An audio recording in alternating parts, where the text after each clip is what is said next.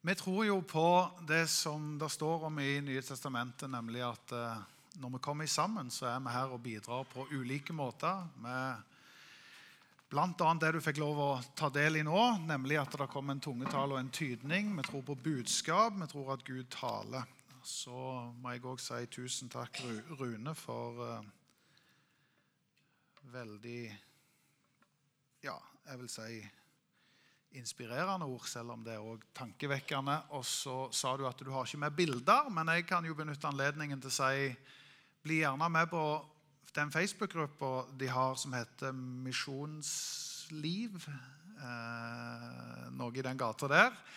Eh, der får du bilder, og du får litt for korte filmer. og der kan du få lov å være med og følge. Vi er sånn sett stolte av å få lov å være deres utsendere. Og det dere står i, vil vi være med og heie og be for å stå sammen med dere i. Nå håper jeg folk tross alt har hatt en god påske. Eh, det har jeg. Jeg har hatt gode dager. Eh, lave skuldre. Og har benytta tida til å bl.a. svinge innom YouTube og se en serie som Tro og Media har lagd, der eh, prest, teolog, eh, Farmen-kjendis Tor Håvik er programleder. Er det andre som har sett den, eller? Det er noen helt få. Den, eh, den anbefaler jeg. Den er interessant. Han gjorde i en, en masterstudie om oppstandelsen og har lagd en litt sånn fiffig og artig variant av en eh, ja, tre episodes program, så det går an å se. Nå skal ikke jeg ta en reprise på den, men eh, han stiller egentlig spørsmålet hvor sannsynlig er det med oppstandelsen? Er det overhodet sannsynlig med oppstandelse? Nå skjønner jo alle det at eh, i seg sjøl, i det, kall det naturlige, og i det realistiske som meg og deg befinner oss i, så er det jo ikke spesielt sannsynlig med oppstandelse, for det er det ingen som har uh, gjort verken før eller siden. Så vi skjønner jo at det er noe som er usannsynlig, som da hevdes. Og så brukte han bl.a. et bilde og sa at uh, Se for deg at du skal At det er tidenes premie i Lotto. Det går an å vinne 100 millioner kroner. Og folk eh, tipper, så galninger, og hele Norge tipper. Og så skjønner du at det er en mikro-mikropromillesjanse. Det er særdeles usannsynlig at du kommer til å vinne den lottopremien. For meg er det helt usannsynlig, fordi jeg tipper ikke. Så det er rett og slett umulig. Men la oss nå si at det var en god venn av meg som hadde tippet. La oss si det var et Børge da, som hadde tippet, og så kom han og så hevde han at jeg vant premien. Jeg vant lottogevinsten. Jeg vant 100 millioner kroner.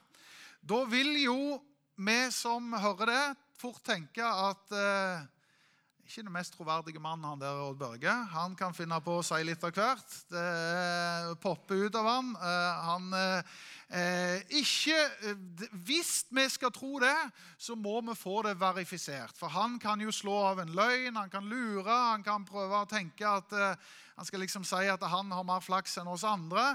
Men hvis vi verifiserer det det vil si at vi går i litt sånn dybdeintervju med han og spør kanskje om å se kontoutskriften, eller eh, ringer til Hamar og får bekreftet at det er en Solbjørg som vant. og med, ja, Er du med? Det, hvis du begynner å granske litt, så kan du kanskje få verifisert at det usannsynlige faktisk har skjedd. Og Sånn er òg tilnærmingen med dette med oppstandelsen. Det er, det er høyst usannsynlige. Hvordan kan du få verifisert om det faktisk har skjedd? Og Et av de stedene som virkelig slår på stortromma og tydeliggjør dette mer enn noe annet sted i Bibelen, det er i 1. Korinterbrev kapittel 15, for det kalles oppstandelseskapittelet. Og Nå er det på 60 vers. Jeg tror ikke vi skal lese alt, men jeg har bedt Maria hjelpe meg å lese 20 vers. Og så skal vi få lov å ta utgangspunkt i det når vi nå forkynner Guds ord, og spesielt legger vekt på dette med oppstandelsen. Så vær så god, Maria.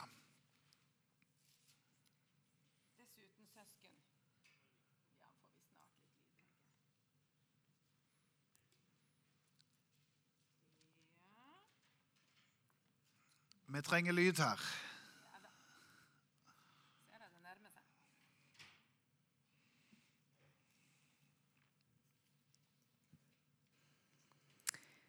Dessuten, søsken, kunngjør jeg jeg for dere det evangelium jeg forkynte dere, som dere også tok imot og står fast i.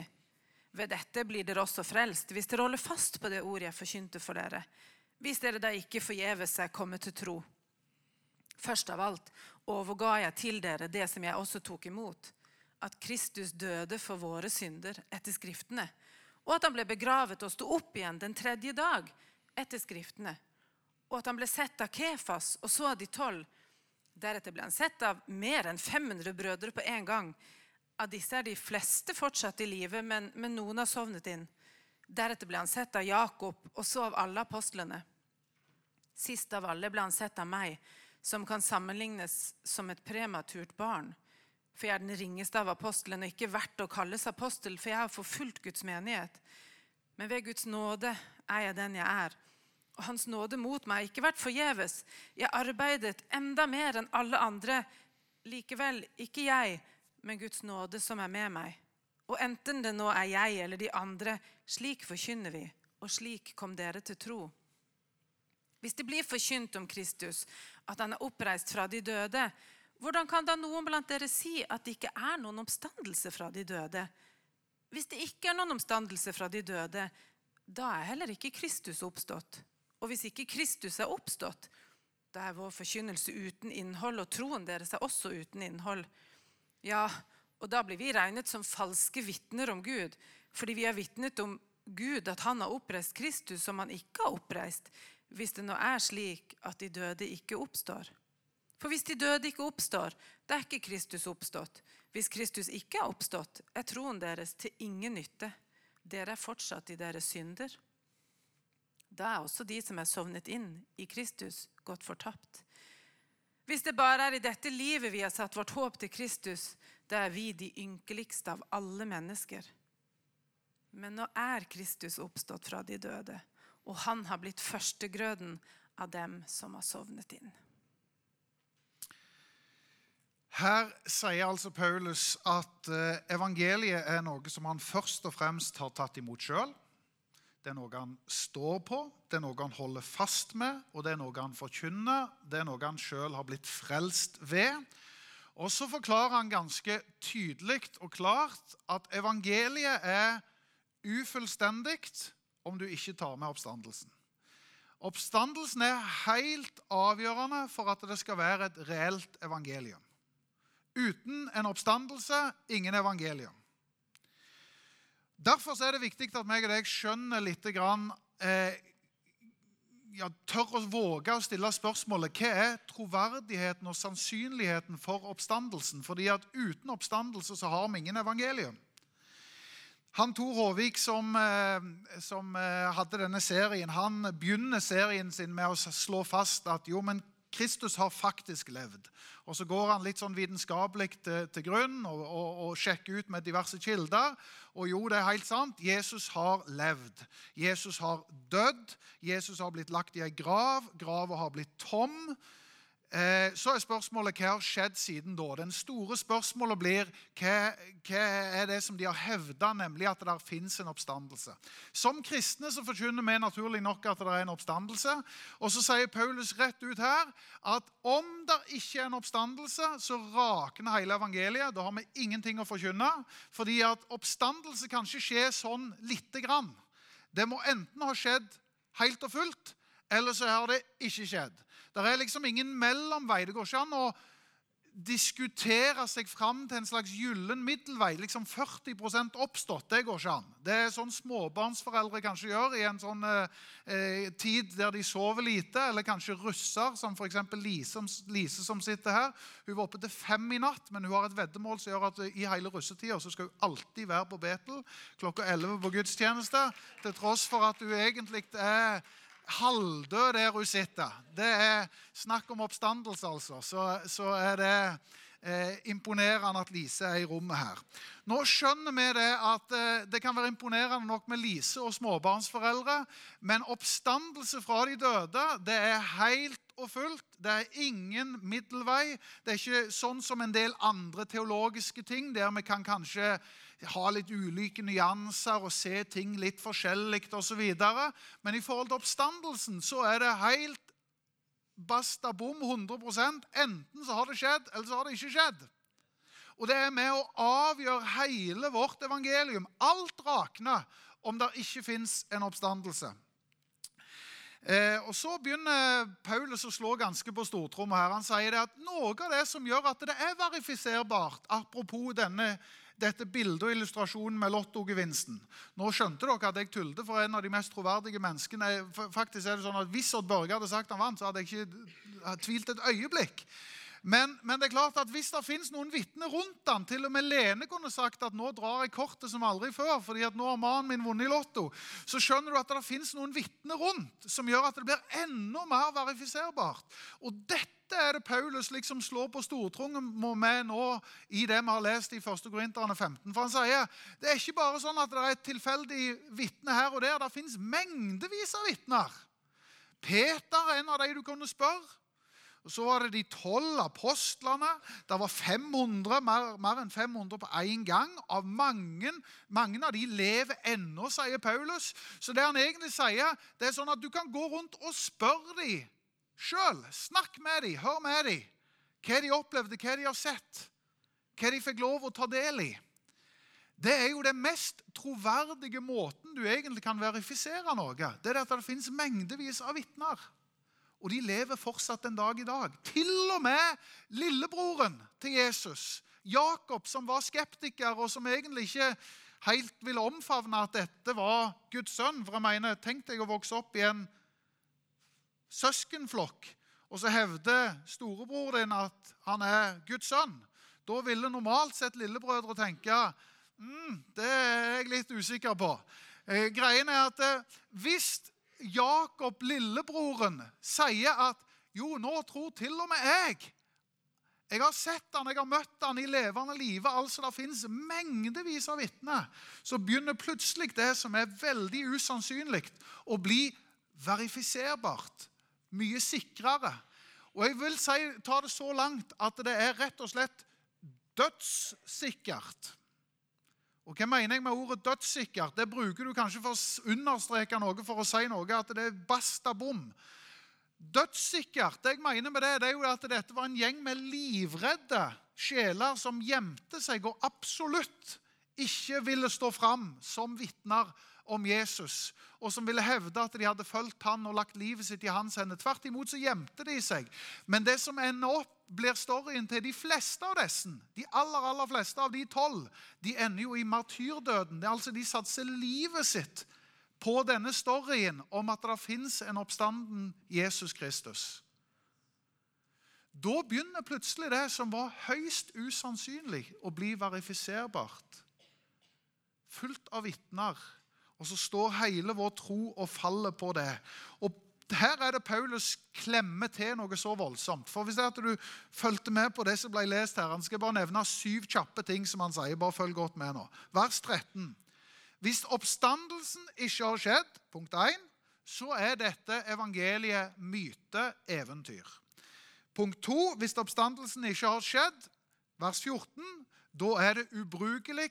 Vi har ingen evangelium å komme med. Vi har ingenting å gi hvis det ikke har skjedd. Punkt 3, vers 15. Da er vi falske vitner. Ikke bare det at vi liksom vil det gode og prøver så godt vi kan, men vi er falske vitner. Eh, punkt nummer 4, vers 17. Vi har en unyttig tro. Vi har en tro, men den er fullstendig unyttig. Punkt 5, vers 17 fortsatt. Vi er fremdeles i våre synder. Punkt 6, vers 18. De som har gått foran, som har døde nå, der, altså dine nære og kjære, de kommer du aldri til å treffe igjen. Altså, Vi har ikke et håp om å treffe igjen våre nære og kjære hvis dette med oppstandelsen ikke har skjedd. Og nummer syv, det står i vers 19, da er vi de ynkeligste av alle menneskene. Altså, Paulus klemmer til med syv forskjellige knalltydelige karakteristikker og sier har ikke oppstandelsen skjedd, så har vi ingenting å komme med.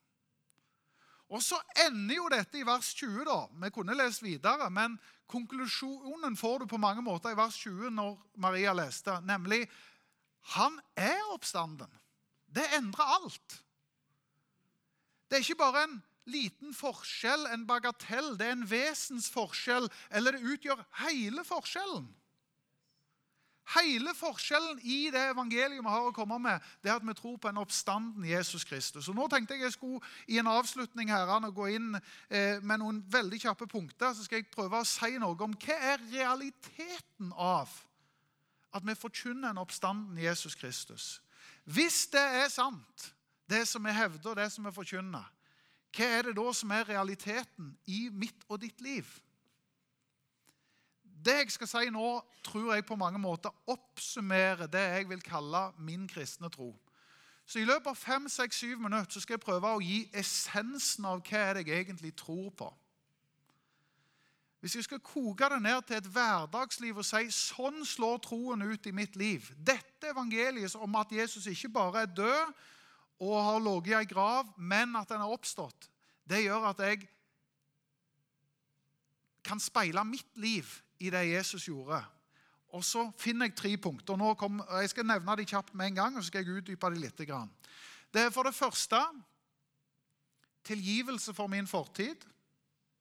For det andre nærvær i nåtid. Og for det tredje håp for framtid. Det er summen av min kristne tro.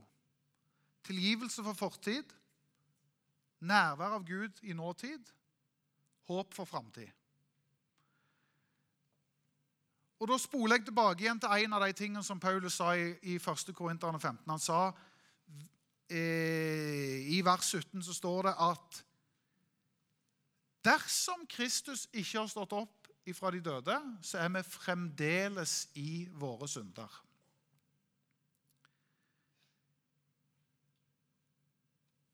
Se for deg at eh, Jesus hevder at han skal sone verdens synd, din og min synd, på korset. Men dersom han bare blir hengende på korset og blir lagt i ei grav, og han ikke står opp igjen fra de døde, da blir det bare tomme ord. Da er det ingen synd som er sont for. Fordi at Det som beviser at noe er sterkere enn synden og syndens konsekvens, det er at det fins oppstandelse fra de døde. Det at meg og deg har synda, da er syndens lønn døden. Og det at vi blir liggende i døden, det er et tegn på at synden har bundet oss rett og slett til døden. Det fins ingen mer framtid. Men hvis det fins en oppstandelse, så fins det noe som er sterkere enn synd. Så Oppstandelsen er helt avgjørende for at det skal være sant at vi, frem, at vi faktisk har tilgivelse for synd. Uten oppstandelse så er vi fortsatt i våre synder.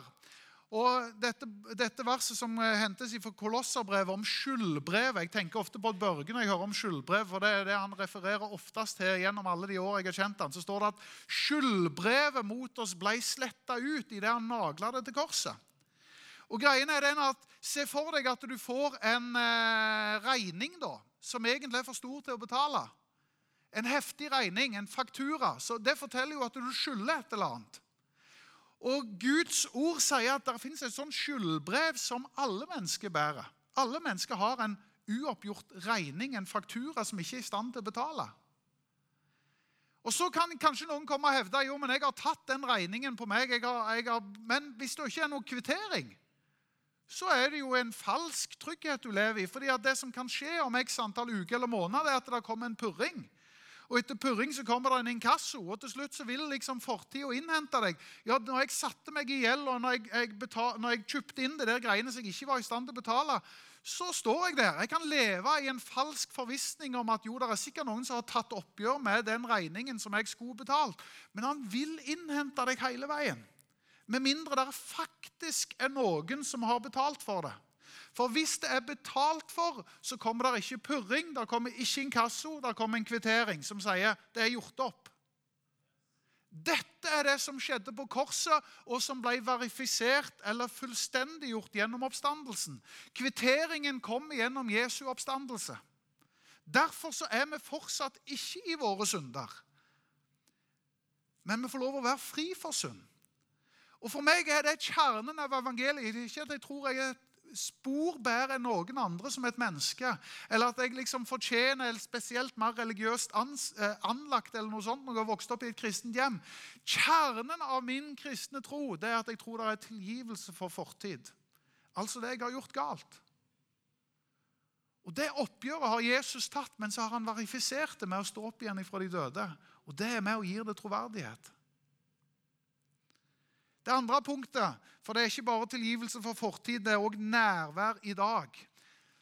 Det at Gud er nærværende Gud her og nå. Altså, Vi tror ikke på en Jesus som bare levde, og så var det en fint menneske, og så var det en god historie, og så døde han på et kors og ble han liggende i en grav, men vi tror han lever den dag i dag. Og Den eneste måten du kan få kjenne et nærvær på, det er jo å vite om det er noen som er i live. Hvis, hvis noen nære og kjære av meg dør, så er det jo ikke noe nærvær lenger. De er borte. Og det at om Jesus er borte vekk, om det ikke fins noe gudsnærvær, det er avhengig av om oppstandelsen har skjedd. Men nettopp det at Jesus har stått opp igjen fra de døde, gjør at vi kan tro at det er en nærværende Gud. Nå husker kanskje de fleste her storyen fra hvis dere var sist eh, søndag. Så hadde vi påskespill, og da spiltes jo denne scenen med de gråtende kvinnene som kommer til grava. Og så er det egentlig sånn at engelen kommer og sier at eh, Hvorfor leter dere eh, etter den korsfesta blant de døde? Han er ikke her, sier engelen. Og det er den eneste gangen den hilsen har gjeldt. Aldri siden har den hilsen gjaldt i en kristen forsamling. Han er ikke her. Tvert imot så hilser vi hverandre med en helt annen hilsen. Der to og tre er samla i mitt navn, der er jeg midt iblant dere. Vi sier det at Eh, han er med oss alle dager inn til verdens ende. Vi tror på en nærværende Gud. Vi tror på dette gamle ordtaket at eh, gårsdag, gårsdagen er forbi og morgendagen kjenner ingen, men i dag hjelper Herren. Vi tror på dette at i dag er frelsens dag. Altså, Vi tror på en nærværende Gud her og nå. Det er helt umulig å ha en nærværende Gud hvis det ikke er en oppstanden Jesus Kristus. Hele vårt evangelium står og faller på det som vi feirer denne påsken, og som fullføres gjennom Jesu oppstandelse. Det er vitnesbyrdet til veldig mange troende, meg inkludert. Det er ikke bare at jeg tror på en historie om en fortid som er tatt oppgjør med, men jeg tror på et nærvær av Gud i dag. Jeg tror det går an å ha med han å gjøre, og få lov å kjenne han, kommunisere med han, snakke med han erfare ham. Vi tror på en nærværende Gud her og nå. Det tredje og siste punktet det er at vi tror det er håp for morgendagen, for framtida. Vers 19 sa nemlig dette at eh, hvis det ikke er noe oppstandelse, så er vi de ynkeligste av alle menneskene. Vi lever i en forvissning om at vi skal treffe våre nære og kjære igjen, de som har gått foran og som, som nå er døde. Du kommer ikke til å treffe dem igjen hvis det ikke er noe oppstandelse, sier Paulus. Men nettopp det at det er en oppstandelse, det gjør at vi tror det er noe som er sterkere enn døden. Livet er sterkere enn døden. Oppstandelse er sterkere enn døden. Det betyr at vi har et håp for morgendagen. Vi har et håp for framtida. Vi tror det kommer noe etter dette. Og så sier Bibelen her, som vi leste i vers 20, at han er førstegrøden. Dvs. Si han er den første som har seira over denne døden. Han er den første som har seira over syndens makt. Han har stått opp igjen fra de døde, sånn at andre kan komme etter. Det betyr at vi tror at mange av de som har gått foran oss, de lever sammen med Gud, og vi skal få lov å møte folk igjen. Og mest av alt så skal vi få lov å møte Jesus sjøl. Det er jo egentlig veldig sterkt å komme med dødsbudskap. Det er sikkert mange av dere som har erfart at eh, du skal liksom gå og levere et dødsbudskap. Det er jo vondt. Det er fullt av sorg og savn og trist. Og så er det et budskap som er sterkere enn det, sier Paulus. og Det er livsbudskapet, oppstandelsesbudskapet. Det er det sterkeste budskapet vi har. det er At det fins oppstandelse fra de døde. Det fins et håp for morgendagen. Det fins et håp for framtida. Så folkens, skal vi oppsummere den kristne tro, så må vi ha med at evangeliet Full pakke er ikke bare Jesu liv. Han levde som et flott menneske, et godt eksempel for oss. Han døde. Han ble korsfesta, han ble lagt i en grav. Men vi må ha med oppstandelsen, for det utgjør hele forskjellen. I oppstandelsen gjør det at jeg har tilgivelse for fortid, nærvær i dag og håp for framtid. Johannes kapittel 11 avslutter jeg med. og Det er en story der Jesus er i møte med Martha og Maria. Det har vært et dødsfall i familien. Og så sier Jesus det veldig tydelig og klart i Johannes 11, 25. Jeg er oppstandelsen og livet. Den som tror skal leve selv om han dør. For lever du og tror på meg, så skal du aldri i evighet dø. Og så avslutter Jesus den sekvensen med å stille Martha spørsmålet Tror du dette? Ikke er du flink nok, kristen nok, religiøs nok, hvor stor bagasje har du, hvor mye dumt har du gjort? Han koker det ned til én ting til Martha. Tror du dette? Tenk at han har gjort det så tilgjengelig og så enkelt at det går an å feste sin lit til noe. Tro på noe og si 'gjennom det så tar jeg del i det'. Hvor ligger din tilgivelse for den bagasjen og den fortiden du har? Hvor ligger inngangen og tilgangen til Gud som er nærværende Gud i dag? Hvor ligger mulighetene for håp for framtid? Den ligger i dette ene. Tror du dette? En stol har gjerne fått navnet stol nettopp fordi at du kan stole på den. Du kan legge hele tyngden din på og tenke at det bærer. Nå vet vi jo at en stol kan jo kollapse. Det har jeg sett i levende livet. Jeg skal ikke nevne navn på folk som har satt seg på stoler og det ikke har båret. Så en eh, stol, den, eh, den kan eh, rakne. Men troen på evangeliet, det rakner aldri. Det er stødigere enn en stol. Det går det an å stole på. Det går an å legge hele vekta si på det. Og så vet jeg at det er ulik tilnærming, fordi at noen tror kall det mye, noen tror litt mindre, og på den reisen er vi på litt ulikt sted. Men det som avgjør, det er jo om du setter deg på stolen. Du vil aldri finne ut om stolen bærer før du setter deg på den. Du legger tyngden din på den. Det som avgjør om du tar del i evangeliet, det er om du legger tyngden av livet ditt på det og sier jeg lener meg på det du har gjort, Jesus. Din død, din oppstandelse, det velger jeg å stole på. Jeg velger å sette min lit til det. Gjennom det får jeg tilgivelse, nærvær og håp. Vi skal synge 'Deg være ære' sammen, og det kan være en god måte for deg å bekjenne din tro på. Det er en oppstandelsessang som har stått seg gjennom lange lange tider og blitt sunget i kristne menigheter på alle mulige anledninger, men spesielt i påsken. Og Vi har tenkt å gjøre det nå, og så får det være din måte å bekjenne din tillit, din tro på Jesus Kristus. Og sagt 'Jeg stoler på ikke bare din død, ditt liv og din død, men jeg stoler på din oppstandelse. Jeg tror på hele evangeliet.